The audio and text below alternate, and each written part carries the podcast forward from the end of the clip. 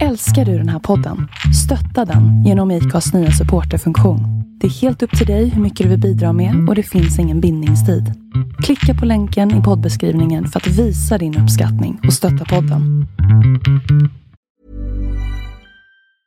Many of us have those stubborn pounds that seem impossible to lose, no matter how good we eat or how hard we work out. My solution is PlushCare. PlushCare is a leading telehealth provider with doctors who are there for you day and night to partner with you in your weight loss journey. They can prescribe FDA-approved weight loss medications like Wagovi and Zepbound for those who qualify. Plus, they accept most insurance plans. To get started, visit plushcare.com slash weight loss. That's plushcare.com slash weight loss. Detta avsnitt av Vi måste prata presenteras i samarbete med Pelle Friends på Åsgatan 18 i Falun. Där kan du bland annat köpa Muminporslin från Arabia, glas från Orrefors Kosta Boda och kläder från Pelle P. Och du, det är alltid 4 för 3 på allt. Läs mer på pellefriends.se.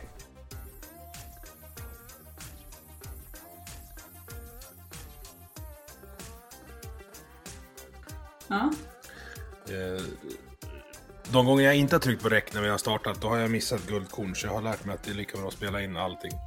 Nej, men så är det. Eh, Så säg, säg inget dumt nu. det. Det kommer jag säkert göra. Du, vi börjar så här. Berätta för de som lyssnar vem Ida Droge är. Ja, jag är riksdagsledamot för, eh, för Moderaterna från Stockholms län. Eh, Från eh, Lidingö, bor och uppvuxen eh, här. Brinner för, har drivit en fråga som handlar om tjänstemannaansvar länge. Mm. Sen jag kom in i riksdagen första gången eh, 2014. Och men det är något i den, i den frågan alltså, om, om ansvarstagande. Att istället för att knyta näven i fickan att eh, utkräva ansvar som eh, tänder en, en gnista hos mig. Ja, vi kommer komma till det, för vi ska nästan, alltså samtalet kommer utgå från det. Men först vill jag att vi backar lite, för du är riksdagsledamot idag. Men hur hamnar man där? För det måste ju, alltså det är ju ingenting man bara blir. Nej, bra fråga. Alltså jag, eh, jag gick med i Moderaterna inför valet 2006. Då var jag 15 eh, år. Och det är väl det man gör på Lidingö. SSU är inte jättestora där va, antar jag. Nej, men de allra flesta unga går nog inte med i ett politiskt ungdomsförbund ändå. Men eh, jag... Eh, vi pratade väldigt mycket politik när jag var liten hemma. Eh, ingen av mina föräldrar är med i något parti i och för sig. Har aldrig varit aktiva i något parti. Eh, och inte heller alltid röstat på Moderaterna tror jag. Eh, men eh, jag eh, tänkte, ställde mig tidigt frågan vart våra pengar tar vägen. Jag började jobba extra när jag var 13. Och eh, tyckte Och så fick du det lönebeskedet och bara, vad fan är hälften? ja, ungefär så. Och tyckte inte heller att den, eh, den välfärd eller det vi får tillbaka, alltså givet hur mycket vi betalar. ehm, vi har världens fjärde högsta skatter idag. eh, och de var ännu högre då. Givet hur mycket vi betalar, vad är det vi får vad är det vi får tillbaka? Mm. Vad får vi för pengarna? Vad fan får vi för pengarna? Det Ja, och då en, kan, då eh, kan jag tänka mig att du på Lidingö får ganska mycket jämfört med vad vi får här ute i, i skogen. Ja, och det var faktiskt också någonting som slog mig att eh, jag eh, har det bra. Alltså jag, min, eh, min mamma är lärare och min pappa är civilingenjör och eh, bor på Lidingö. Eh, har mycket, ett stort också ett socialt skyddsnät med familj, släkt. Eh, både som ställer upp och hjälper till och som, och som också rent ekonomiskt kan backa upp om det skulle behövas. Eh, alla har inte det.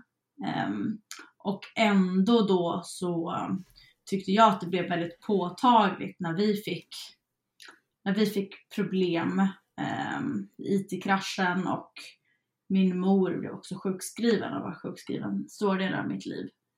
Ehm, vad det gör med, med en som människa och som familj och också hur dåliga vi är i Sverige på att ta hand om människor när det går, när det går dåligt, när man behöver hjälp.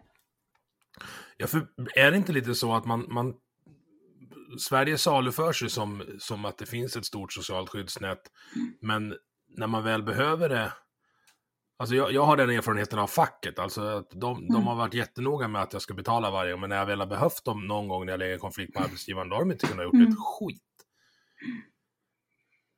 Eh, men du, här, du är moderat, vilket då mm. innebär att du är ond, du hatar fattiga människor, du äter middag med Wallenberg och du är med i Bilderberggruppen. och smider planer för att föra över pengar från folket till just de här. Är det, är det en korrekt beskrivning? Nej, det skulle jag väl inte säga. För det är Men, nämligen den eh, bilden vi ha, eller jag hade fick insålt till mig av mm. folk för moderater, framförallt där när sossarna förlorade valet, var Carl Bildt tog över, den mm. statskuppen där, eh, att nu kommer allt gå åt skogen. Eh, och jag tycker det är, det är en så konstig bild, för här, jag har ju hamnat i någon slags frihetlig högerposition nu, mm. men jag vet inte vem jag ska rösta på i alla fall. Alltså det är inte så Nej. att Moderaterna driver stora frihetsfrågor för landsbygden, vad jag har märkt i alla fall. Så du får, du får sälja in det till mig nu. Ja men en, en, en viktig reform, eller en bra reform som, eh, som jag driver bland annat och eh, handlar om frikommunsförsök. Alltså mm det hade vi på 90-talet en gång. Okej, okay, eh, alltså så här, jag går igång nu som fan. Frikommunsförsök. Ja. Mitt, mitt, mål är ju, om du har lyssnat på de andra avsnitten, så mitt mål är ju ett fritt Dalarna med eget flygvapen. Det är liksom då jag är Ja, men ett frikommunförsök går, går ju ut på, det låter kanske inte så himla sexigt, men, men det går ut på att, um, att kommuner ska kunna liksom, avvika från gängse regelverk. Uh, undantas, alltså man kan få andra regler, färre regler. Um, inte behöva um, ha Ja, man, man väljer ut lagar och regler nationella som man helt enkelt slipper. Eh, och så testar man hur det funkar. Eh, ofta har man gjort eh, mm, ett fåtal kommuner från början, en handfull. Eh, och sen så utvärderar man och ser hur det går. Eh, och sen så eh, får fler och fler kommuner ansluta sig till det här. Och man kan också testa Eh, någonting kanske i, i funkar mindre bra att hoppa över, något annat kanske funkar, eh, funkar bättre.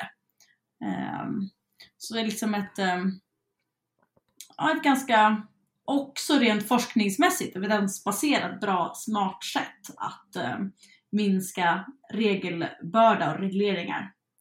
Ehm, alltså jag har snart spelat in 30 avsnitt, ingenting har fått pulsen att gå så högt som det här du säger nu. Eh, ett exempel på det. Det, här, det, här har jag, det här har jag pratat med, med vår borgmästare om flera gånger. Ja, precis. Alltså vi har ju jättemånga sjöar eh, i kommun, men många av dem är det ju trän hela vägen ner i vattnet. Så det är, det är mm. ingen som kommer åt dem. Eh, vilket ju... Ja, det annullerar ju hela nyttan med strandskyddet som är ju någon slags allmän accessförlängning av, av mm. allemansrätten. Mm. Men om man, om mm. man då skulle ja, men så här, frångå det tämligen vansinniga strandskyddsdirektivet uppifrån mm. och säga att ja, men så här, vi släpper upp de här, bygg tomter, men för var fjärde tomt ni säljer så måste ni bygga en badbrygga där allmänheten har, har tillgång. Då skulle du ju Exakt. utöka accessen. Ja. Vi ska inte fastna på strandskyddet, men, men det här frikommunsförsöket som du pratar om, det handlar väl då om att alltså, Ja, men den typen av saker. Och kommuner får ehm. konkurrera med sina särarter också. Jag tycker det låter, det är genialiskt. Ja. Alltså one size does not fit all. Nej, nej, nej. och eh, eh, särskilt inte regelverk. Alltså vi har ju också eh, det finns en sån här galen, bara att det behövs liksom är ju sjukt i sig, men det finns kalender för de som jobbar i, inom skolan. Um, kommunerna en kalender över alla olika deadlines för att söka om olika typer av statliga bidrag eh, för, för skolverksamhet. Så där finns det på många, på många områden. Men, men eh, Eh, och då kan man tydligt se att mindre kommuner har alltså inte möjlighet att söka de här statliga stöden ofta. För att man har inte organisationen att på plats. Man har inte så många anställda att man klarar av eh, redovisningen och rapporteringen och de byråkratiska kraven som, som finns i samband med att man ska kunna söka de här pengarna. Exempelvis. Um, Nej, och men strandskyddet är också en annan, alltså det är en viktig, det vill, vi vill ju ha ett omvänt system. Där alltså eh, kommunerna, man har inget strandskydd. Och sen så får kommunen peka ut var man vill ha strandskydd. Mm. Um, så att man har det kommunala självstyret kopplat till, till strandskyddet. Uh, snarare än, än liksom en omvänd ordning där man får söka dispens. Vi är mitt inne i en sån process nu med, med min familj, för vi har en sjötomt eh, som vi har fått strandskyddsdispens på från kommun. Men som Mm. Länsstyrelsen går in och hävdar att det är jordbruksmark fast det står ett hus där. Mm. Och det gör ju att man blir alltså, tämligen trött på, på systemet. Och sen ser man också att Länsstyrelsen lanserar ett projekt för att inventera bryggorna runt sjön så att fiskarna inte får för mycket skugga. Mm. Och då tycker man så här, ja, och det här betalar vi för då med, med våra skattepengar. Ja men exakt, det där är ju ett eh, Ja, Men vad är det då? Alltså, nu, ett känt nu är, problem även här i Stockholm, i Ja. Stockholms skärgård där jag vistas mycket, så är det ju inte minst bryggorna ett, eh, ett problem. Ja, men när man åker på färjorna genom Stockholms skärgård så ser man att det har inte varit mycket strandskydd där. Men då ska någon i Stockholm sitta och berätta för oss att vi ska inte få, få bygga på våra stränder. Jag blir irriterad. Mm. Mm. Vad är det egentligen för, för mekanismer bakom det? Nu är ju du inte en av dem, eh, vilket anledning att du är här, men just det här tankesättet att eh, antingen att jag vet bäst vad som är bäst för de andra, eller ännu värre att någon annan vet förmodligen vad som är bäst för mig. Det är bäst att jag skickar det här beslutet 30 mil någon annanstans. Vad, vad beror det på? Har du någon psykologisk analys? Ja, jag tror att det många gånger är lättare att tillämpa beslut. Eh, Alltså det är lättare att köra en princip som kan låta mm, fin och bra och mm, liksom man har en säkert oftast av en god sådana här principer och regler av en god, av, liksom, av goda skäl. Jag tror inte man av onda vill liksom eh, ställa till det för människor. Men det är lättare att eh, tillämpa dem långt ifrån sig själv. Alltså ju närmare verkligheten man kommer desto svårare eh, blir det, desto mer så blir de här principerna inte lika fina längre. Eh, jag brukar säga, att Moderaterna, vi är ju ett väldigt pragmatiskt parti.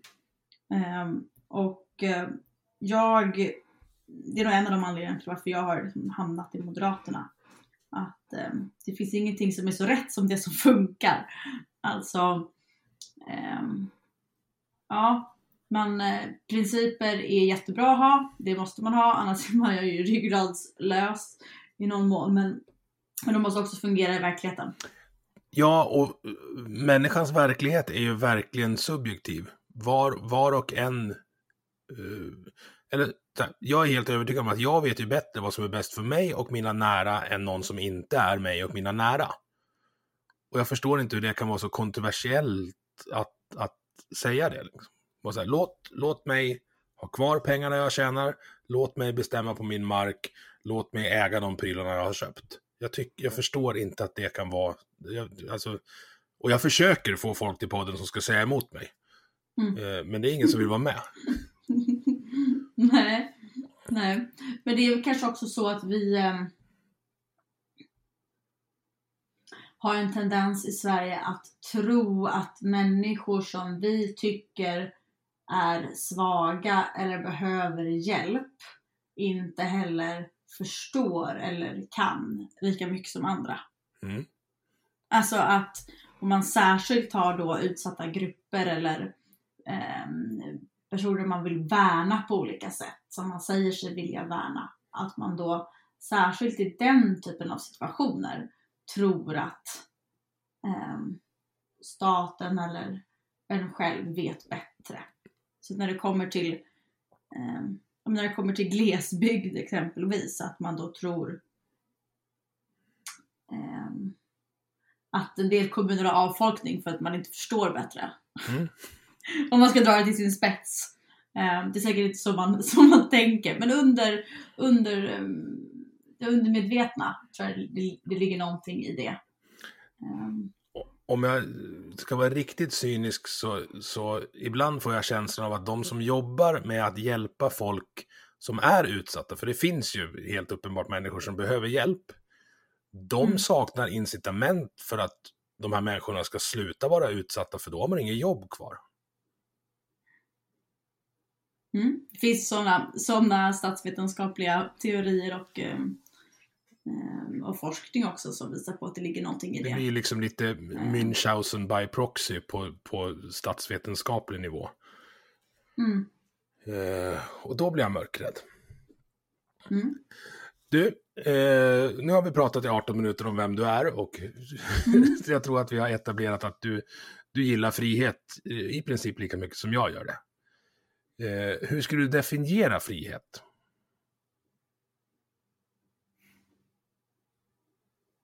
Möjligheten att, eh, men också då skyldighet såklart, men att kunna forma sitt eget liv. Eh, utan att, men med skyldigheterna så kommer ju också att det finns ju den där frihetens gräns någonstans, att det inte får gå utöver, gå på bekostnad av en annan människas frihet och möjlighet att forma sitt liv. Vi är och nosar på, på positiva och negativa rättigheter här alltså. Mm. Mm. Och en, en del av din strävan efter frihet, det är just det här med tjänstemannaansvar som nästan var det första du tog upp och som är, är egentligen anledningen att jag vill prata med dig. Eh, Mm. Berätta hur det ser ut idag och berätta hur du skulle vilja att det ser ut. Ja, men vi har ju, för att avgöra hur, hur tekniska vi vill bli, men det finns något som heter tjänstefel idag, det finns i brottsbalken. Ehm, men det är väldigt avgränsat när det kommer till, ehm, till offentliga tjänstemän, alltså i kommun och stat. Ehm, så det är bara tillämpbart tjänstefelet, det straffrättsliga, när det vid myndighetsutövning. Alltså när man fattar ett, eh, ett myndighetsbeslut som, ja, mot en enskild. Um, och inte helt enkelt i andra fall. Inte när det kommer till bygg eller till um, upphandlingsfrågor exempelvis. Alltså ett bygglov är ju myndighetsutövning men, men det finns ju väldigt mycket andra saker som, som inte är det. De, det mesta av statens och kommunala verksamhetens, verksamheternas uppgifter är ju inte myndighetsutövning. Um, och om man då begår fel, bryter mot lagen som tjänsteman, så ehm, är det inte alls så att det finns ett straffrättsligt ansvar i det.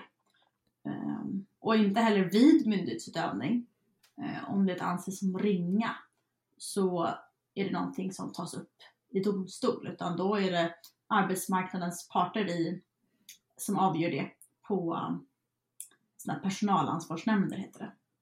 Då sker det bakom stängda dörrar. Den typen av utredningar. Så det är alltså bristen på offentlighet eller, tillgång till den utredningen? Ja, det är en stor brist. Ja. Ja, verkligen. Alltså, och också om det är så, alltså i tider av, av mediala domstolar, ehm, där så går det ju heller inte att fria någon som blir falskt anklagad i en sån situation. Alltså om en tjänsteman anses ha gjort någonting fel, någonting brottsligt, ehm, och eh, sen så ska det vara den personens chef och en facklig företrädare som bakom stängda dörrar eh, utan insyn i efterhand, det finns inte nödvändigtvis protokoll och sånt som behöver inte bli offentliga, ska avgöra och reda ut den här frågan. Ehm, det inskärper inte särskilt mycket trovärdighet. De parterna, som man kallar det för arbetsmarknadens parter, för att de är partiska och företräder varsina intressen. Ehm, så ehm, också av de anledningarna så tycker jag att det är väldigt problematiskt.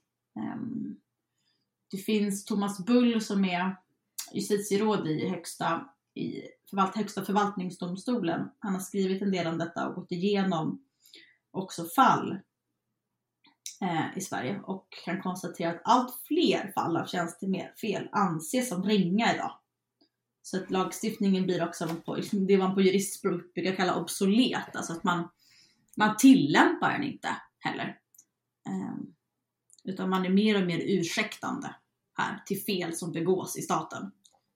Och då ska ju tjänstemän vara, det är lagstiftarens förlängda arm. Alltså man, det är inte vilket jobb som helst. Det är inte att jämföra med eh, att jobba på ett, eh, ja men i näringslivet exempelvis. Utan eh, det är särskilt allvarligt när politiker och tjänstemän begår brott. Och särskilt brott mot de, de lagar man är satt att tillämpa på andra människor. Ja, och om det inte utkrävs ansvar eh, för det här, då inbjuder ju det till tjänstemannaaktivism om man vet att man kommer undan med det. Ja, jag tror att det skapar en väldigt osund kultur också. Um, så jag, en, ett viktigt skäl vore liksom att förebygga fel med tjänstemannaansvar. Um, tycker jag. Men det här stöter alltså på motstånd och jag kan tänka mig att, att mm de som egentligen skulle kunna berätta om hur illa det är har ju ingen anledning att göra det, för det är de som sitter på insidan och i sådana fall skulle kanske utkrävas detta ansvar. Mm.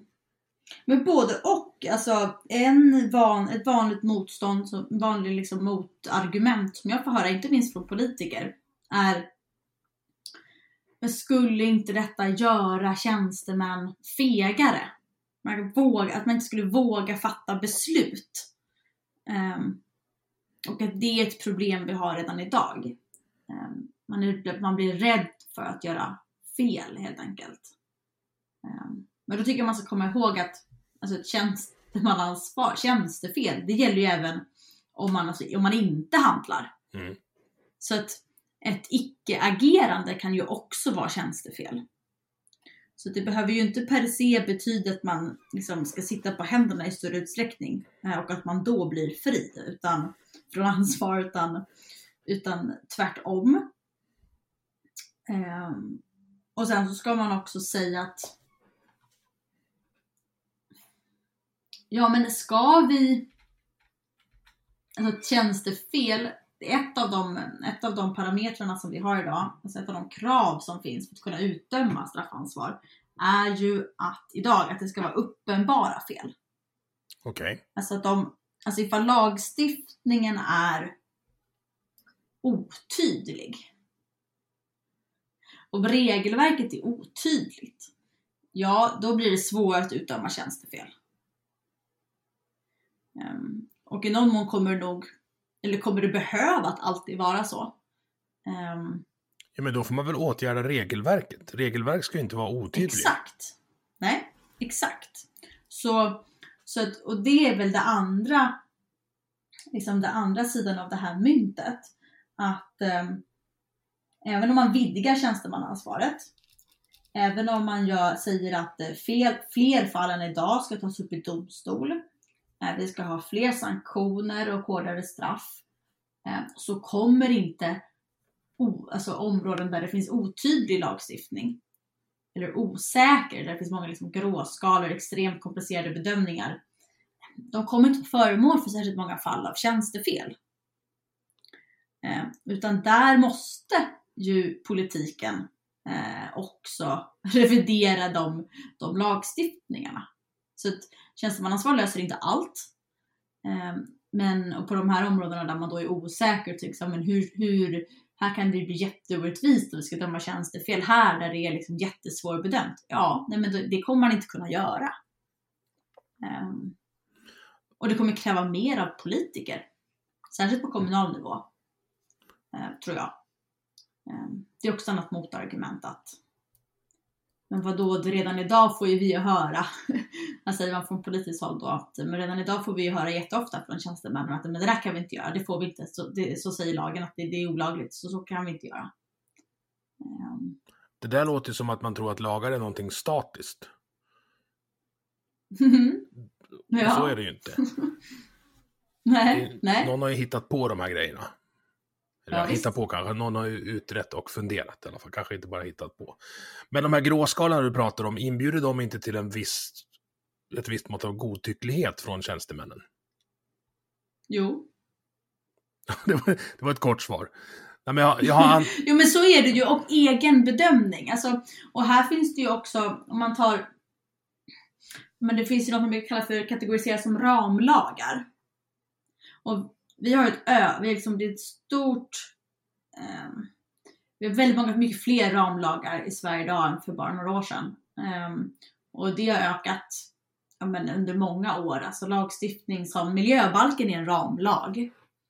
Um, om vi ska ta ett, ett exempel. Um, och man använder sig av det för att man menar att det är svårt, ja, men det är svårt att detaljreglera Um, Eh, komplicerade verksamheter. Eh, och det kan det ju vara. Eh, men andra sidan av myntet är ju att man lägger väldigt mycket på,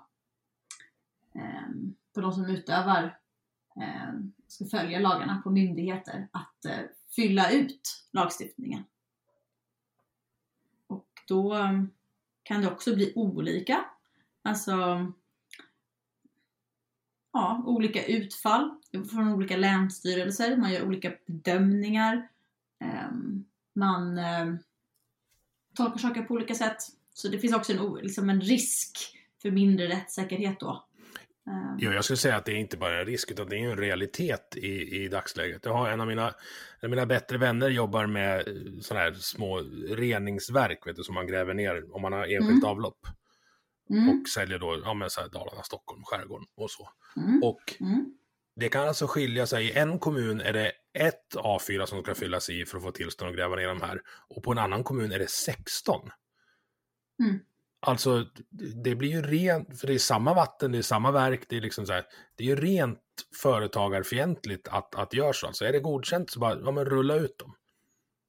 Mm. Och sånt, sånt där, och, och då veta att men vi betalar för att det ska vara så här. Det gör ju att man vill ju liksom, ja, vad sa du, frikom... Men du kan ju inte heller om man tar just för företagare, om man tar liksom tillstånd.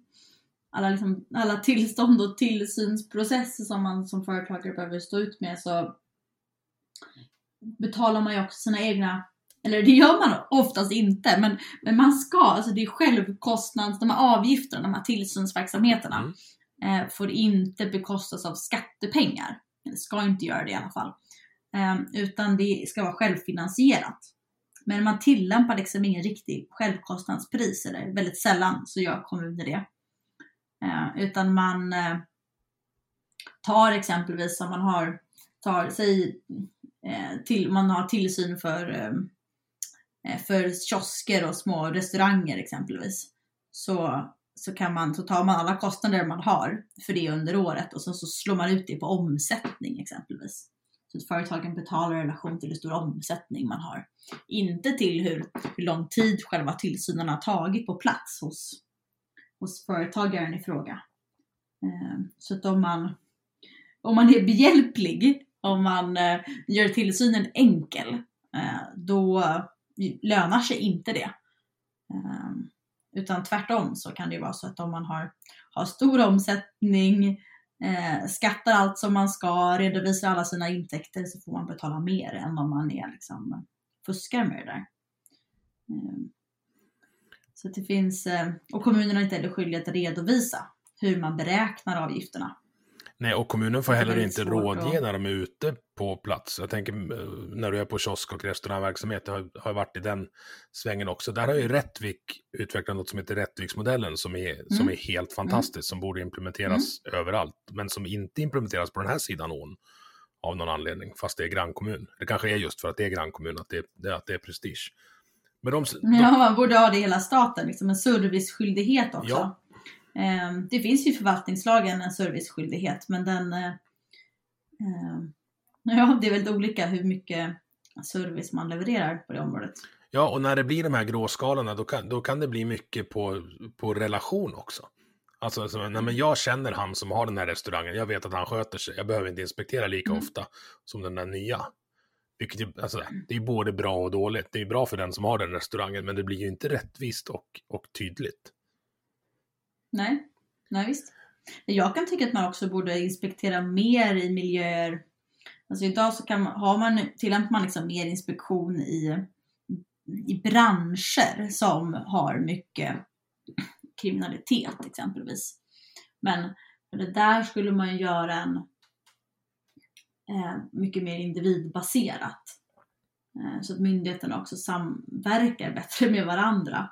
Eh, både för företagarens skull, alltså att man gör tillsyn och sånt samtidigt.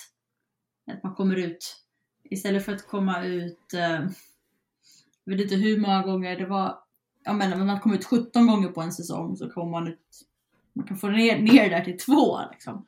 Så gör det stor skillnad. Men, men också att man kollar på om det är någon som har har alltid lämnar in sin årsredovisning sent eller alltid gör liksom, ja, men begår, begår andra ja, men felaktigheter. Eh, då kanske det finns risk att få, få fler kontroller eh, än om man eh, verkar sköta allting annat. Ja, men borde det inte vara så att det skulle vara lätt att vara skötsam och det ska vara skitsvårt att vara kriminell? Mm. Det är tvärtom nu. Exakt. Mm. Och det är de här riktigt kriminella, det är de som vi behöver, borde sätta dit. Mm. Alltså, folk, företagare som hör av sig och vill göra rätt och vill få råd om hur de ska göra för att det ska bli rätt. Det är inte de som, eh, när de då lämnar ifrån, info, lämnar ifrån sig information eh, som de egentligen inte behöver, bara för att kunna få rådgivning. Det är inte de som då ska få en extra inspektion, åka dit på det. Um, Nej, och man ska också vara glad utan... över de som har synpunkter som skulle kunna utveckla även tillsynsverksamheten. Mm. Så är det inte idag. Jag vet inte, brukar du lyssna på Bondepraktikan med, med Per-Ola och Rickard? Nej, jag har gjort någon ja. gång, men jag kan inte säga att det är en, Nej, men de, de, en vana. De eh, eh, kritiserade Länsstyrelsens eh, inspektions eller tillsynsverksamhet i ett avsnitt. Och dagen mm. efter att det avsnittet kommer ut för publiklyssning, det ligger ju låst en vecka först, eh, mm. då hade bägge inspektion på sina ägor. Mm. Det är ju inte en slump. Och det är ju, alltså, då, jag blir så arg så någon, någon ska liksom få sparken. De var hem till Per-Olas pappa och började riva i hans grejer också. Alltså det är mm. ren hämndaktion och det ska inte tjänstemän hålla på med. Det drabbar också, det är också en anledning till varför vi behöver ha tjänstemannaansvar, att det är det minskar inte, det minskar förtroendet för hela systemet. Så att Därför så har man en särskilt viktig, en särskilt betydelsefull ställning med makt över andra människor. Som ska, och den makten ska utövas på demokratisk grund, alltså i enlighet med lagarna. När så inte sker, så är det en skada på hela systemet. Då måste det straffas, då måste det få konsekvenser. Och fler konsekvenser än om någon annan gör fel. Ja. Jag är helt... Och då skulle jag säga att det snarare finns en, kan vara tvärtom. Ja, ja 100 procent. Och eh, om de som har lyssnat nu en halvtimme inte är arga än, så kommer de bli det nu. För riksdagen mm. har bestämt att det ska vara så här. Mm. Men regeringen, vad ska jag säga, inte mörkar, men vägrar genomföra. Ja men exakt, vi har ju, man säger att riksdagen stiftar lag. Eh, jag ska inte gå så långt som att säga att det är en sanning i modifikation, men, men, men det låter bättre än vad det kanske är. Alltså att vi, vi, riksdagen tar inte, skriver inte lag. Extremt sällan. Utan det är ju regeringen som har utredningsansvar och resurser. Ehm, det är regeringen som i regel kan skicka förslag till lagrådet på remiss. Så det är regeringen som tar fram lag. Eh, riksdagen fattar beslut om lag. Så att många gånger, som exempelvis med tjänstemannaansvaret, så för att styra regeringen så tillkännager man till regeringen vad de ska göra. Alltså man säger åt regeringen att nu vill vi att ni gör så här. Ehm, så att riksdagen 2018 sa, eh, en enad riksdag ska tilläggas, ehm, det var en motion från oss moderater eh, som vi har lagt tillsammans med eh, dåvarande allianspartierna, alltså C, L och KD, eh, om att införa tjänstemannaansvar. Och eh, det var en enig riksdag som ställde sig bakom det. Eh, och eh, beslutade att, eh, att regeringen skulle utreda och ta fram en lagstiftning. Vidga, ändra lagstiftningen på det här området enligt min motionen. Men eh, sen har man ju dragit benen efter sig sen dess. Eh, och det tog ju ända till förra våren, alltså mer än två år innan man ens tillsatte en utredning. Va, va, alltså varför får inte folk sparken för det då? ja du. Jag önskar, alltså jag, eh, jag tycker vi ska avsätta den här regeringen. Jag eh, tycker definitivt att de borde avgå. Ehm, och att man drar benen efter sig och inte levererar det som riksdagen har beslutat, inte ens anstränger sig. Alltså det är en sak att eh, saker kan ta tid ibland för att det är väldigt komplicerat. Det är en en annan sak att man låter det gå mer än två år på att ens tillsätta en utredning. Och när man gör det så lägger man det på en ensam utredare eh, som ska utreda detta tillsammans med massa andra saker som inte är särskilt närbesläktade. Eh, och personen i fråga får dessutom det fria mandatet att först utreda om tjänstemannaansvar behövs och i sånt fall lägga fram förslag på ändrad lagstiftning. Så att i november här när, det här när deadline går ut för den här utredaren, då vet vi inte om det kommer finnas ett förslag till lagstiftning på området eller inte. Så. Men eh, systemet går ut så att liksom, då går bollen tillbaka till riksdagen. Det är fullt möjligt för riksdagen att säga att det här tolererar inte vi. Vi har inget förtroende för Morgan Johansson, ansvarig minister för detta, eller för Stefan Löfven för den delen heller. För regeringen fattar ju beslut kollektivt. Men eh, då måste det finnas en majoritet för det. Men så här, en enig riksdag säger åt regeringen mm. 2018 att nu vill vi att ni gör det här. Det tar mm. två år för dem att få arsle vagnen och se till att någon börjar göra det. Och då får den mm. människan ett uppdrag som inte går i linje med det den eniga riksdagen har beslutat. Alltså det här är ju obstruktion. så, här, så här kan man inte hålla på. Mm. Nej. Uh, Nej men exakt. Och, och det är bara, och det, det är, funkar för att det tillåts. Av vem? Det är väl det sorgliga i detta. Av riksdagen. Men du sitter ju i KU. Alltså, mm. Är inte det konstitutionsutskottets uppdrag att liksom sparka in dörren till Morgan Johansson och säga vad håller du på med? Skärp dig. ja, alltså så här, regeringen är inte skyldig att göra som riksdagen säger. Det är det sjukaste jag hört i hela mitt liv. Mm. Utan regeringen, däremot är de skyldig att berätta hur de ska göra. Så att ifall regeringen säger såhär, men vi, vill, vi håller inte med riksdagen. Vi kommer inte införa tjänstemannaansvar. Eh, de, det är de då skyldiga att säga. Eh, nu har de bara sagt att nej men det här det kräver beredningsåtgärder, eh, ditten datten. Eh, vi har mycket att göra. Eh, men det kommer. Det är klart vi ska utreda det här. Ehm, och om det behövs så klart det ska införas. Ehm, och eh, då eh, kan de dra ut på tiden på det här sättet. Eh, och eh, då blir det upp till, till eh, men skulle de säga så här, nej men vi vill inte. Då blir det också upp till riksdagen. Alltså riksdagen har alltid slutordet. Och kan på så sätt säga, nej men okej, men då har vi inte förtroende för regeringen, då avsätter vi regeringen.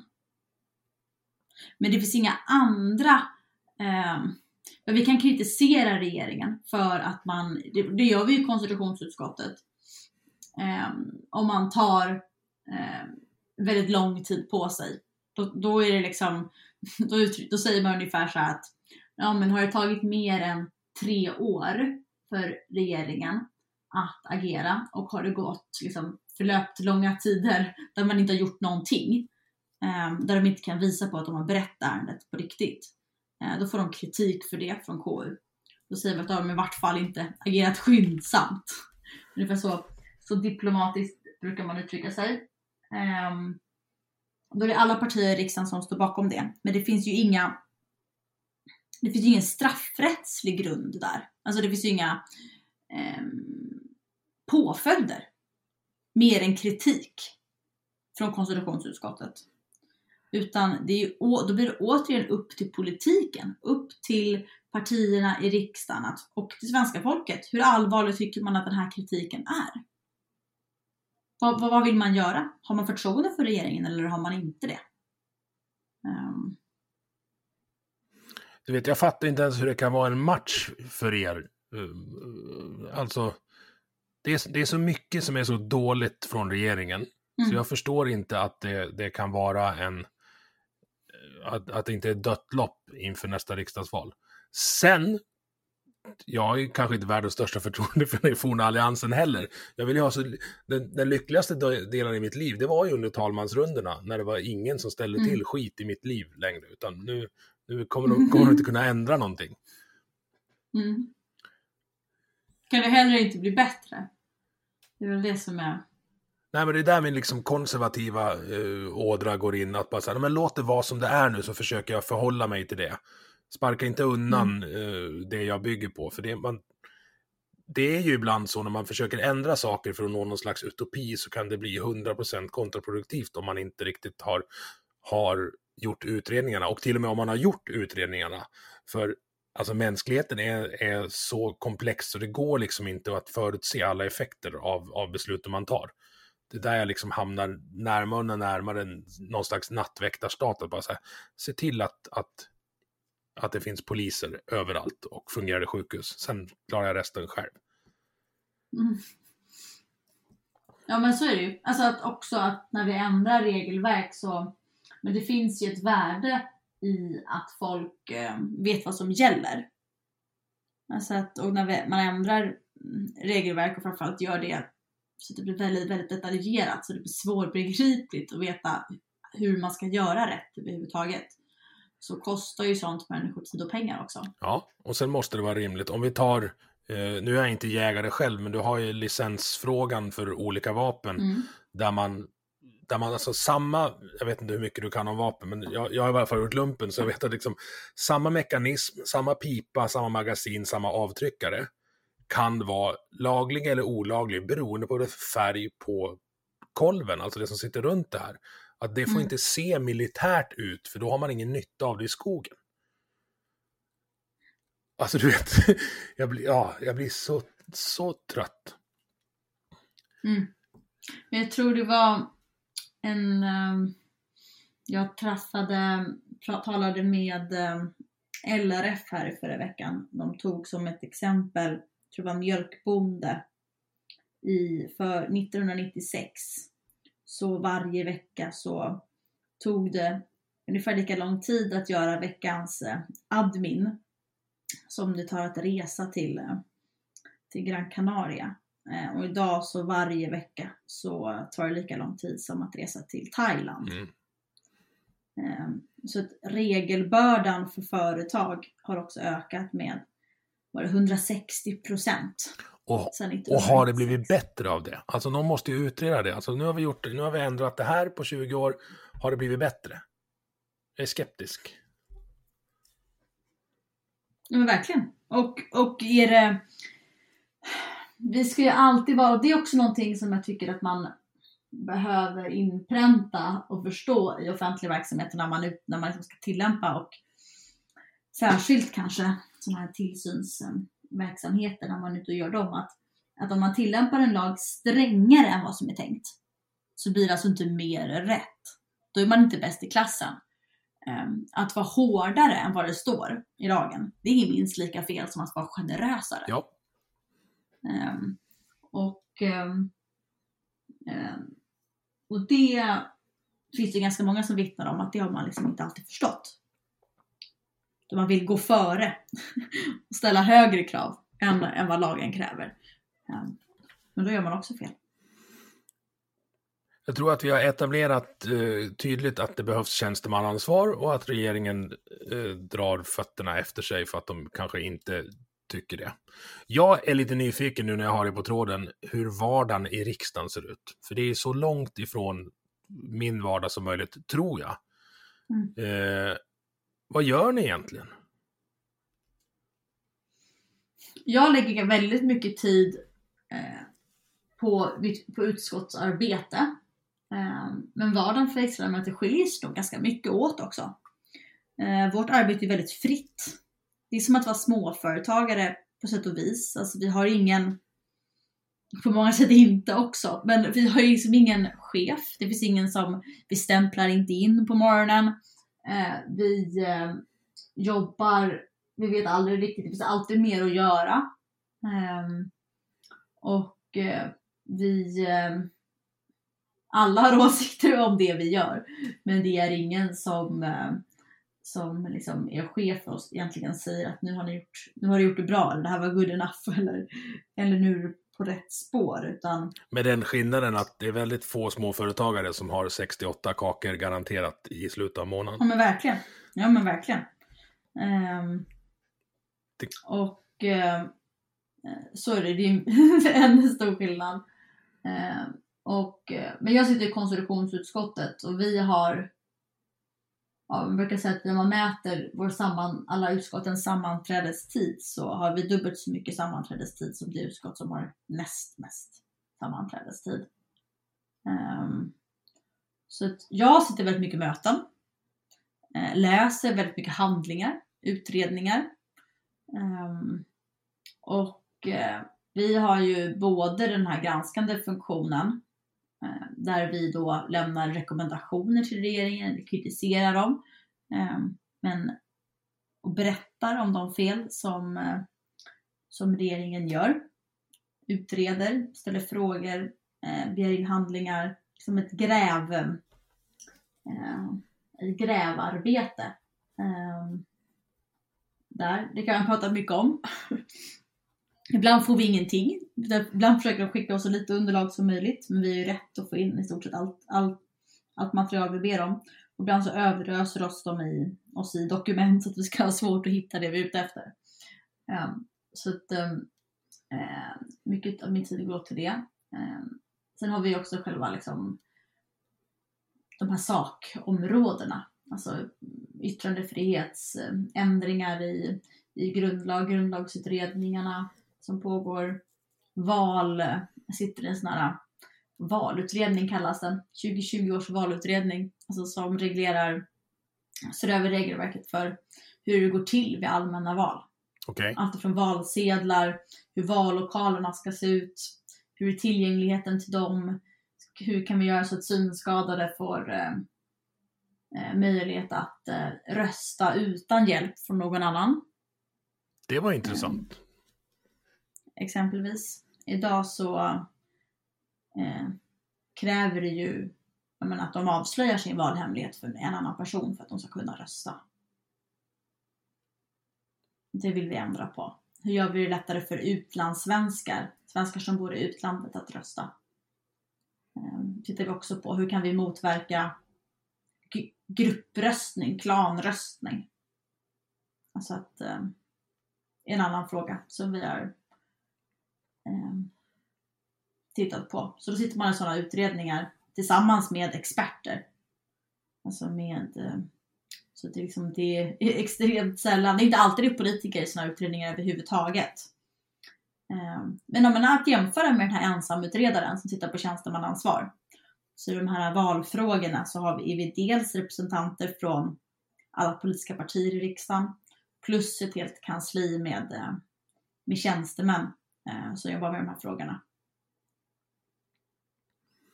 Jag tänker också, det vi, det vi ser uh, från riksdagen, det är ju oftast de, debatterna och mm. så, det är nog inte jättemånga som sätter sig och kollar hela debatterna på tre och, timmar och 50 minuter. Uh, utan det Nej. brukar vara, vara de, de lösklippta bitarna som eventuellt hamnar på nyheterna eller på de olika partiernas uh, egna kanaler. Mm jag ställer mig lite frågan, alltså en riksdagsdebatt, vad, vad ger den egentligen för medborgarna? Jag har en teori om att de som sätter sig och tittar på den är oftast de som är så pass politiskt intresserade att de har liksom ingen volatilitet alls på vilka de ska rösta på, utan de vill bara få sina, sina synvinklar bekräftade. Kan det vara så? Ja, Jo men det är fler, nu vet jag inte, jag kommer inte ihåg exakta siffran men det var, jag blev överraskad över hur många de här, hur många som tittar på de här SVT Forum-sändningarna. eh, hur många, som, hur många tittare som finns på riksdagens eh, webb-tv, men, men så kan det väl säkert vara. Eh, jag tycker ändå att det finns en viktig princip att alla ärenden, alla frågor som riksdagen ska fatta beslut om, ska ha debatterats. Ja, och jag tror att... Ska partierna kunna debattera? Alltså visst, alla partier kan ju komma överens om att man inte deltar i debatten. Ingen är skyldig att stå och debattera. Eh, men, eh, men att man gör det och innan beslut i kammaren fattas. Eh, och också för att man ska kunna granska i efterhand. Tvinga partierna att ta ställning och resonera och berätta om hur man har tyckt och tänkt i någon mån. Jag, jag, tror att de debatterna skulle bli roligare och mer produktiva. Roligare att följa och mer, vad ska jag säga, inte, inte produktiva, men mer representativa för vad de partierna och representanterna egentligen tycker om talmannen eh, tog en mer styrande roll. Alltså drömmen är ju att få se Norlén slå klubban allt vad han orkar i bordet och säga, men nu svarar du inte på frågan. Mm. För det är väldigt många som inte svarar på frågor. När, till och med i interpellationsdebatterna som är till för att svara på frågor så hamnar man på samma jävla talepunkter hela tiden. Det är frustrerande mm. att följa. Det måste vara frustrerande att stå där och ställa de frågorna också. Ja men verkligen. Och särskilt på de här frågestunderna. Alltså varje torsdag så är det frågestund i riksdagens kammare klockan 14. Eh, då eh, är det ett, eh, regeringen har valt några statsråd som svarar på frågor eh, och så får ledamöterna i riksdagen ställa frågor till dem under en timme.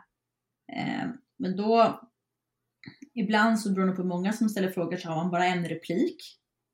Ibland så har man en uppföljningsreplik. Och då blir det liksom, det är väldigt svårt att få svar på sin fråga. Eh, för att en gång är det ganska lätt att undvika en fråga. Eh, så man måste ju ha många, och så är det även när vi i KU kallar till utfrågningar med ministrar i våra granskningar, att eh, man behöver följdfrågor för att få svar. Mm. Det är som, så är det ju, det, det, om man är journalist och lyssnar på det här så känner man säkert igen sig i det. Um, så antal repliker styr också ganska mycket möjligheten att verkligen få få svar på frågan eller kunna syna att personen i fråga inte svarar. Ja, precis, för det är också ett svar, men, men det kanske, som mm. du säger, det kanske behöver man kan slingra sig en gång, men slingrar man sig på, till samma talepunkt eller bort från samma svar tre gånger så blir det uppenbart att man inte vill svara på det. Och det, det är där jag menar att talmannen borde kliva in och bara, nu har Ida frågat det här. Mm.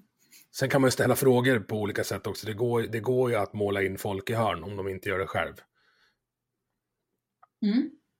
Ja, men och det är väl det som är det är väl det som då blir eh, ja, det är vår oppositionens roll. Vi, vi, vi, kanske be, man behöver alltid bli bättre på det. Men det är ju en annan del i liksom, det politiska arbetet som riksdagsledamot, att ja, men opinionsbildning, att, bilda, att skapa debatt, att träffa människor, eh, liksom att få utveckla sin politik, att driva, att förändra den allt eftersom att liksom samhället och problemen ändras. Det är också en del av arbetet. Så man behöver vara, eh, försöka bli eller vara en duktig retoriker också. Mm. För att kunna göra det bra. Du, jag funderar på en sak. Eh, budget, budgeten har precis presenterats av Magdalena Andersson. Mm. Eh, jag tycker att det är ett insynsproblem för medborgarna när budgeten portioneras ut som den gör nu. Alltså lösryckta delar slängs ut i media från olika företrädare för, för regeringssidan eh, dagarna innan. Vilket gör mm. att om man ser det så här, budgeten handlar ju om redistribution av skattepengar. Det vill säga mm. att om någon satsning görs Alltså att mm. en avdelning eller en verksamhet får mer pengar så betyder ju det att något annat får mindre pengar än tidigare. Om man nu inte har ökat, ökat skatteintäkterna. Men så här, det, är, det är plus och minus, det är en vanlig balansräkning. Men det presenteras mm. aldrig var man drar ner. Väldigt sällan får man berätta så här, ja, men så här den här, vi, vi satsar jättemycket på det här. Men det betyder att den här delen som vi satsade på förut, den, den får vi lägga ner nu. Eh, det känns som att det, är bara plussidan som redovisas. Tycker du att jag har rätt eller fel? Men ofta, alltså skatteintäkterna ökar ju också. Eller generellt så gör de ju det. Och när de inte gör det så brukar man låna mer. Eh, eh, så, så det kan väl vara en anledning till det. En annan är ju att, att eh, man ställer ju särskilt inte de här siffrorna i relation till befolkningen och till uppdraget. Alltså Morgan Johansson är ju flitigt ute och säger exempelvis att ja, vi har aldrig haft så många poliser i Sverige som idag. Ja, men vi har två miljoner mer invånare också, många. Exakt. Exakt, alltså på, under den här regeringens tid så har antalet poliser i Stockholms län blivit 15 stycken fler. Um, då, och då ska man ju säga att i många regioner har man alltså färre poliser idag. Um, så bara för att det totalt sett i Sverige har, till antal har blivit fler så betyder inte det att alla, eh, att överallt i Sverige har blivit fler poliser, tvärtom. Eh, och heller sett till befolkning så är det ju, har polistätheten aldrig varit lägre än vad den är idag. Nej, och ni har ju fått 15 till. Det kan ju vara vad som finns norr om Sundsvall totalt. Mm. Mm, visst. Så att antalet polisstationer har ju minskat kraftigt så att antalet platser som polisen utgår ifrån har ju också minskat. Så att, låt säga att eh, i en region har, finns lika många poliser som innan eller fler så kan det ju ändå ta dubbelt så lång tid innan polisen de facto är framme om det händer någonting mm. eh, än vad det har gjort tidigare. Så att en, en sån siffra eh, säger ju inte så mycket. Eh, politiker är ganska duktiga på siffertrixa. Eh, och särskilt så tycker jag såklart att regeringen gör det alldeles för mycket. Ja, och de kommer ju undan med det. Alltså, det är där journalismen fallerar också. Alltså, det borde ju synas hårdare. Vi kan, vi kan, stanna, ja. vi kan stanna lite på polis, för jag, jag, tycker om att prata om polis. Jag har jättemycket släktingar och kompisar och lumparkompisar som, som är i, inom polisväsendet. Jag mm. anser att de håller på med alldeles för många saker som kanske inte är eh, den primära verksamheten. Alltså de, mm. de, skjutsar, de skjutsar fångar åt kriminalvården, de skjutsar folk till psyk, de är ute och lämnar dödsbud, de, ja, så här, de, de tar hand om, om folk som är på väg och alltså, de pratar mm. ner självmordsmänniskor från där de står och ska hoppa och så. Eh, mycket av det här tror jag, framförallt transportfrågorna, tror jag vi skulle behöva tillsätta eller här, skapa en ny eh, verksamhet. Alltså USA är ju jättebra på det här. De har ju åtta olika polisavdelningar. Mm. Men just alltså, transport av folk som ska till Säter är ju jättemycket, en jättestor del av polisen i Dalarnas verksamhet just nu. Mm. Det borde ju gå... Men i Sverige har man ju gått åt andra hållet. Ja. Att man har minskat antalet specialistavdelningar inom polisen i den här polisomorganisationen. Um, så att där har man ju liksom gjort, gått åt andra hållet. Ehm, det har ju även, eh, men det finns ju även mycket annan, även byråkrati inom polisen som är onödig. Alltså att vi ställer, eh, det finns ju väldigt ehm, hårda krav på exempelvis om man får, vilket språk, alltså vilken språk legitimation man behöver ha för att få prata på det språket i förhör med, med misstänkta. Så att vi har liksom poliser med, ja, men som i princip har som, som kanske tvåspråkiga som är uppväxta med, eh, med föräldrar som, som pratar två olika språk. Eh, men man har bara det ena som modersmål. Får ändå inte prata sitt andra, sitt andra språk eh, i förhör utan då måste man ta in tolk. Och då kan ju en sån sak göra om man har, har tagit in en person under helgen så kan det göra att man inte kan ha den personen i häktet till på måndag beroende på vad det är för straffvärde. då måste man släppa personen. Um, alltså det finns ju, ja plus att tolk kostar och det tar tid och det blir liksom mer omständigt. Alltså självklart skulle det finnas en rättssäkerhet där att, att man ska, de som förhör ska behärska språket, givetvis. Eh, men, eh, men det skulle man ju kunna Eh, ändra ganska enkelt med, eh, med tester eller att eh, legitimera eller ja, så. Ja, och sen pratar de om polisanställda är en väldigt eh, intressant mm. eh, nomenklatur när de, när de ska beskriva sina satsningar. Men den flaskhalsen vi har inom polisväsendet idag är Nationellt forensiskt center, alltså de som utreder, alltså våran Mm. CSI-avdelning helt enkelt. Exakt. De är kraftigt underbemannade. Alltså det kan ta år innan de kan göra DNA-test på liksom hårstrån som har hittats på brottsplatsen för grov brottslighet. Mm. Eh, var, varför satsas inga pengar där? Eller varför satsas för lite pengar där? Ja, bra fråga. Vi lägger ju mer pengar där än vad regeringen gör. Fast nu du Ida, ni Mm. lägger ju inga pengar alls. Ni får ju inte bestämma. Nej. Nej, men det är rätt. Vi får inte igenom vår budget. Nej, i, Eller det vet vi inte än. nej men vi i, inte än i er i- budget, i, eh, eh, i er budget vill ni. Men Mm. det är skillnad på att vilja och att, att kunna. Absolut. Men absolut, så är det. Ehm, vi förhandlar ju ehm, nu, så vi får se hur det går med våran, med våran budget den här budgetperioden, det här året. Ja, det ska, bli, det ska bli spännande att se budgeten nu. Men hur är det nu då? Förhandlar ni med SD, L och KD? Blir inte ni, Vi pratar med alla partier. men blir inte ni nazister då? Det har jag läst på internet. ja, nej men, nej men, ehm, det, nej men det är klart, jag tror alla fattar att det blir man ju inte. Jag tror inte alla fattar det. Vet du det? Jag tror att, jag tror att man har lyckats eh, slå in det här budskapet under, under 12 år. Samtidigt som det har fått precis motsatt effekt mot vad man har velat.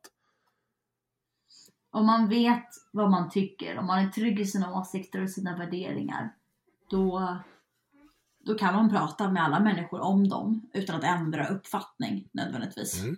Jag ska bli, jag ska bli Eh, ännu mer och, pragmatisk. Alltså, Mm. jag, jag betraktar det som att jag, vill, jag vill bara veta vad det finns för lösningar. Alltså, så här, jag jag Mm. kan dra det så långt att jag skiter i vem som heilade Kungsträdgården på 80-talet. Alltså, det är fullkomligt ointressant för mig. Jag vill veta hur du vill lösa mina problem i vardagen. Alltså jag ser det som att om det, om det brinner på övervåningen här och jag och mina barn är instängda, då struntar jag i vad brandmannen som kommer dit har för politiska åsikter, bara han får ut oss. Mm. Men jag tror att så här, politik handlar ju också om att man behöver vinna människors förtroende. Ja. Och människor litar inte i särskilt stor utsträckning på politiker. Eh, eller på poli- ja. Och, och då... Jag relaterar. Och då vill man ju veta och bryr man sig om politikers möjliga baktankar. Om man inte är insatt i alla politiska beslut, man kan inte följa, det går inte att följa alla beslut som riksdagen eller regeringen fattar. Eh, man kan inte hålla med om allting, snarare tvärtom. Eh, så jag är moderat, jag kan inte hålla med om allting Moderaterna tycker heller.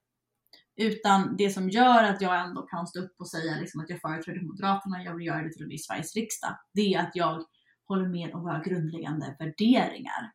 Eh, och därför så, ehm, så har jag full förståelse för att man är mer skeptisk mot partier som man tycker står långt ifrån sina värderingar. Det är jag också. Ja. Jag är mycket, jag är mycket mer skeptisk till, till om en eh, sverigedemokrat vill göra någonting eller om en vänsterpartist vill göra någonting. Eh, än om en liberal kommer till mig eh, och, och eh, har ett förslag. Men det betyder ju inte, det är inte samma sak som att inte prata eller kunna försöka förhandla om politiken med, med de partierna och de personerna. Nej, och det att man är mer skeptisk, det, det ser jag inte som, ett, som något annat än en självklarhet. Men det betyder att då kanske man ska granska förslagen lite hårdare. Alltså det finns en viss Mm. skepticism till, till så ja vänta nu, vad, vad vill du egentligen? Det köper jag. Men dumheten i att om, om Nooshi Dadgostar ställer sig i, i, i plenisalen och säger att ja, men så här, himlen är blå och solen lyser, så måste då de som är på andra sidan uh, vänster-höger-skalan säga emot.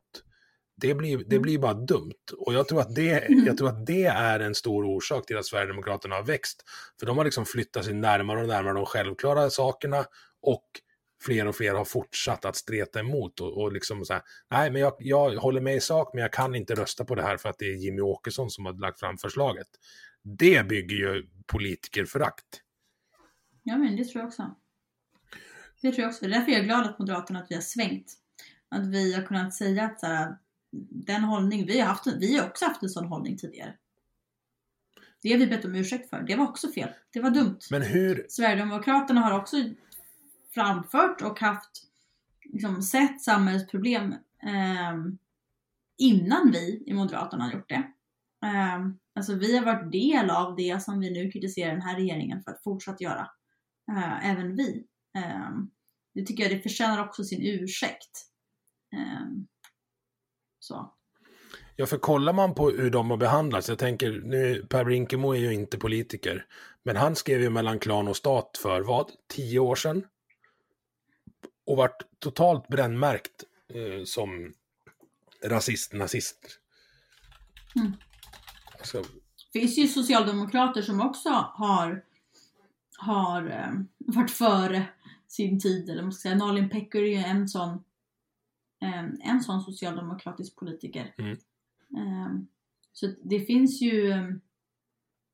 Jag tycker att det är, jag vet inte om fräckt är rätt ord, men nästan patetiskt när, när det var Mikael Damberg här senast som var ute och sa att så här, vi, eh, vi, vi har varit naiva för vadå, 51 gången ja, som, och vi har, som regeringsföreträdare sa det. vi har velat Ehm, ta tag i det här, men vi har riskerat att bli, bli betraktade som rasister. Ja, när det är man själv Åh. som har drivit den retoriken. Eh, och sen dessutom smeta ut det på alla. Mm. Alltså som att hela svenska folket, som att allihopa har varit rädda. Alltså när, när det och inte gjort de här sakerna, inte sett de här problemen. Eh, när det är då, han får tala för sig själv möjligtvis. Han har inte sett de här problemen, eller regeringen har inte sett de här problemen. Eh, men, men människor i största allmänhet i Sverige har ju det. Det är det som är grejen. Eh, Och det är ingen slump att de som har kunnat eh, poängtera det här har inte hetat Karin, Sven och Olle, utan de har hetat Mustafa, Sakine och Hanif som har liksom vå- kunnat stå på, för de har liksom legat någon slags, alltså det är så här, i den intersektionella analysen har de varit untouchable nästan, eller i alla fall svårare att ignorera. För, lä- för Mm. läser man Det lilla landet som kunde, alltså Ganman och Panshiri var ju inte så här lite rätt på det tidigt, utan det är mitt i prick. Men de, de, det var ingen som lyssnade. Och de som lyssnade var vart, vart eh, brända. Det är min analys, du ska inte behöva stå för den. Mm. Men du, vi ska, vi ska leka lite som avslutning. Eh, Som av, en, av ett trollslag så får Moderaterna 51 procent i nästa val. Och Ida Drougge blir inrikesminister och ska ta tag i de Mm. problemen vi har. Inte nog med ja. det landar en kille i en tidsmaskin och berättar att det kommer vara tre mandatperioder med dig som in, in, inrikesminister nu. ja. Mm. Vad gör du då? Vad är det första du tar tag i? Tjänstemannaansvaret kanske? Tjänstemannaansvar. Så får vi se var, var polisen ligger då. Eh, jag tycker regeringen har så många eh, liksom oklar ansvarsfördelning även inom regeringen. Ehm, men hela rättsväsendet är ju ett, ehm, det är en av vår tids största liksom, problem som vi har. För det är de där vi behöver, för liksom där, det ena sidan av myntet är frihet, det andra är trygghet. Mm. Alltså har man, i någon mån har man, är man inte trygg så kan man heller inte vara fri. Ehm, och eh, de här sakerna hänger ihop så att vi måste ha ett rättsväsende som gör att föräldrar till barn som blir rånade vågar polisanmäla exempelvis. Ehm, det är, vad har vi annars för rättsväsende? Så att där behöver vi en översyn tycker jag av hela brottsbalken, alltså alla straff. Av tutti. Ehm, vi har ju mängder med små förslag. Eller liksom med, med, med straffrättsliga förslag och förändringar och ändringar i budgetposter och, och så. Men här behöver vi liksom en, ehm, en större översyn också. Eh, av, lags, av, av brottsbalken. Eh, det var ganska länge sedan nu. Sverige är inte rustat för den verkligheten vi har just nu. Eh, Nej. vårat rättssystem och vår ofantliga sektor är ju byggd för ett homogent samhälle med hög tillit. Eh, det samhället finns inte längre. Vi har inte häktesplatser. Alltså det, det är så många bitar här som inte... Vi har inte åklagare, vi har inte... Eh, för, så det finns så många steg heller som inte, eh, som inte fungerar. Så att det riskerar ju också att bli så att, ja, men det vi var inne på förut, att om man ändrar ena delen av, av regelverket så ploppar ut någonting och förutsätter den andra. Mm. Eh, så det tror jag vi behöver vara ärliga med att, att det kommer också ta tid att eh, öka tryggheten i Sverige igen. En grundprincip jag skulle vilja se inför det är att om, om, du, om du, kan du kan du begå vuxna brott, då kan du sitta vuxen fängelsetid också. Alltså mord, olaga hot, övergrepp i rättssak Mm. och alltså flertalet sexuella brott. Då ska du vara inlåst alltså länge. Länge. Och man måste också, jag tycker också att vi har, alltså jag är, eh, Eh, eftersom att vi har så låga straff idag så blir villkorlig frigivning ett, ett eh, hån många gånger mot brottsoffren. Eh, och dessutom så, så fungerar ju inte liksom den övervakning, är ju knappt övervakning eh, som ska ske då när man blir villkorligt frigiven. Eh, men så där skulle vi behöva liksom skärpta straff i väldigt stor utsträckning på många områden. Men också att när man väl, när man väl kommer ut fängelset, att straffet är inte nödvändigtvis färdigt då. Nej, långt ifrån. Utan- Alltså, du, du, ska- Utan du bör vara mer övervakad Mm. än andra människor för att du har begått ett straff. Så att även tiden efter fängelse eh, är, eh, är liksom en, eh, en del. Och jag tycker inte att man alltid, idag tillämpar man ju villkorlig frigivning rakt av också. Man säger i princip att alla som sköter sig okej får komma ut efter två tredjedelar av straffet. Men om man inte är lämplig då att komma ut? Mm. Alltså, i, för att i... ehm, jag tycker inte att man kan säga att dagens fängelser är vård eller någon form av liksom... För de, de program som finns idag, det finns inget, väldigt lite pekar på att de fungerar. Så vi lyckas inte. är det ju 60 procents återfall eller något sånt. Ja, Inom ett år Ja, och tror jag till och med. utvärderar, alltså man har också utvärderat många av de här programmen och man ser ju inte, alltså det finns internationellt sett eh, program inom kriminalvård eh, för brottslingar som verkar fungera. Men det finns inte några sådana i Sverige som man har kunnat bevisa fungerar. Ehm, så att vi behöver ju eh, det, det är klart att det vore bra om man, kunde, om man kunde nå dit, men det är inte så det är idag. Så då behöver man också vara krass och säga så här, okay, men är den här personen lämplig att har den överhuvudtaget möjligheter att avstå från kriminaliteten när den blir frisläppt eller inte? Um, och ha, ja men ett fängelsestraff bör följas upp med fotboja och liksom ganska väldigt strikt övervakning även en tid eh, utanför fängelset. Det får ju vara en del av straffet givetvis. Mm. Ehm, men, eh, Och det där, ja, det där tillämpas ju på en del eh, grejer. Jag har någon, en bekant som åkte dit på en rejäl rattfylla för 15 år sedan. Eh, då kom ju de hem till han mitt i natten och han fick blåsa i, i vad heter det, alkomätaren. För en, en av Mm, villkoren för att mm. komma ut var, var strikt nykterhet. Mm. Och det köpte han ju rakt av, alltså då är det ju så. Eh, Det är det eller sitta kvar. Sen principen bakom villkorligt, villkorlig frigivning är ju rätt bra. Det är ju för att skapa ett incitament för att man inte ska börja slåss inne i fängelset. Ja, och att man ska kan ha sådana saker då att man kan ha, man har krav på att du ska komma in en gång i veckan och pissa i den här muggen, Mm. ta drogtest på dig.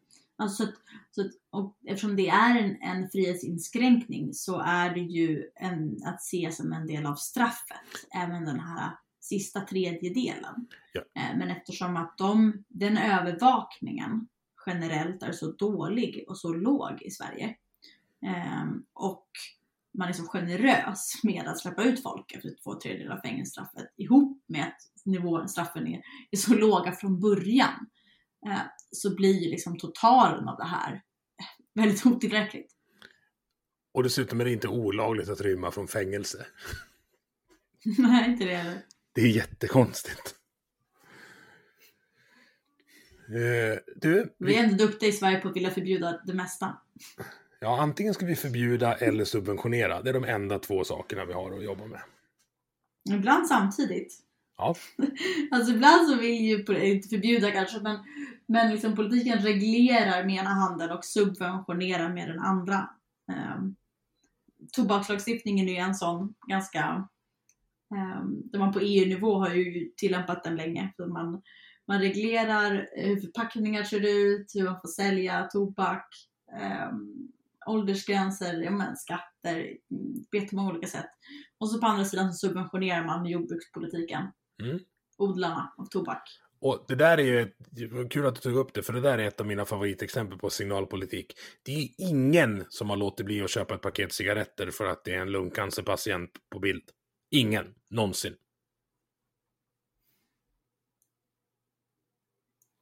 Ja, nej, det, det, det, har jag svårt att tro också. Jag tror att de flesta i Sverige idag vet att det är dåligt att röka. Um, det är skillnad förr kanske. Ehm, du, vi ska avsluta med eh, att jag ska kasta tre påståenden på dig. Där du ska få ranka Mm. dem 1 till 5. 1 har jag helt fel, 5 då har jag helt rätt. Hur fel har jag? I samarbete med Solfamiljen. Alliansen är tämligen död, men jag tror att du hoppas att den skulle kunna återuppstå, men utan Annie Lööf.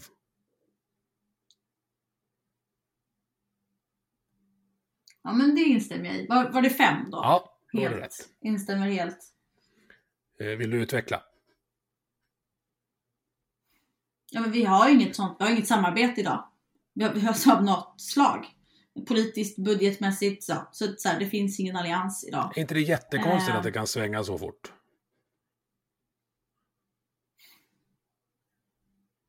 Det finns ju fortfarande i kommuner finns det ju allianssamarbeten.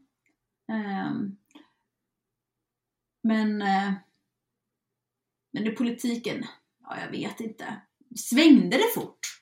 Ja, Jag vet inte jag det svängde så fort. jag kommer aldrig Alltså, stödja Stefan Löfven till... ju. Nu kommer jag stötta Stefan Löfven. Det var en jävla snabb svängning. Det var en väldigt snabb svängning. Absolut. Men vi hade ju den här perioden av, en av decemberöverenskommelse av en anledning. Ja. Alltså, vi- det var för att försöka hålla ihop alliansen. Fast vi tyckte olika om exempelvis eh, hur man ska förhålla sig till vilka partier vi ska kunna förhandla och prata med. Om vi inte får en majoritet själva. Um, så, eh, men politik, vi försökte, man försökte ju ge upp ett sken av att allt var som vanligt. Eh, länge ja. Men eh, ja. men Decemberöverenskommelsen. Poletten trillade ju inte ner. Jag ska inte säga att poletten trillade ner hos mig långt tidigare än det blev allmänt känt. Verkligen inte. Ehm, utan ehm, det var ju liksom en situation av kejsaren är naken där. Ja. Ehm, ja, det ska vara ett snabbt så segment här. Så det, så- så det, det Mm. var... Ja.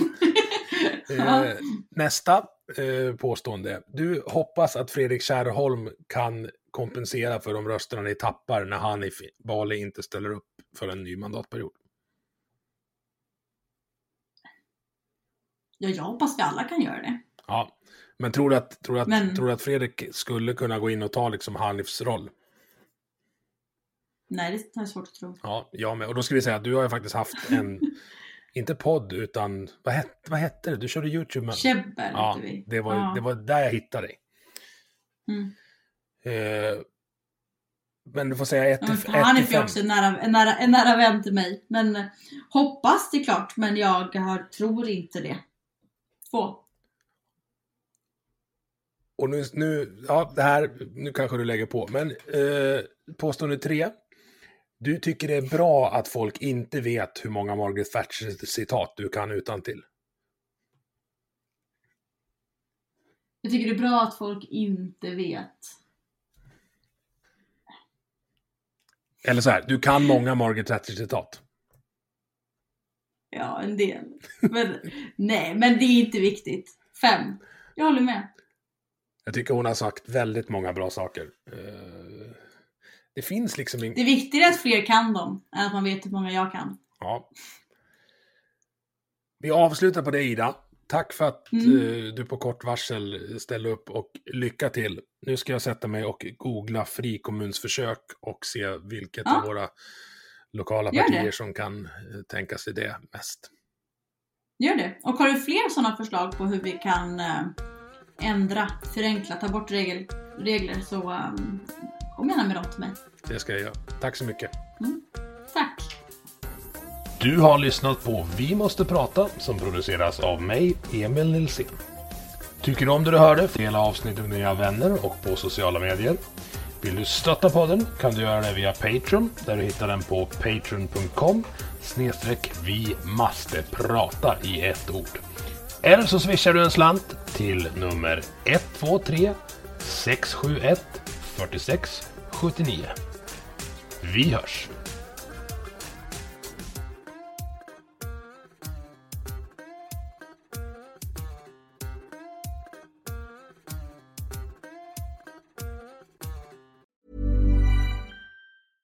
Even when we're on a budget, we still deserve nice things. Quince is a place to scoop up stunning high-end goods for 50 to 80% less than similar brands. They have buttery soft cashmere sweaters starting at $50, luxurious Italian leather bags, and so much more. Plus, Quince only works with factories that use safe, ethical, and responsible manufacturing. Get the high-end goods you'll love without the high price tag with Quince. Go to quince.com slash style for free shipping and 365-day returns.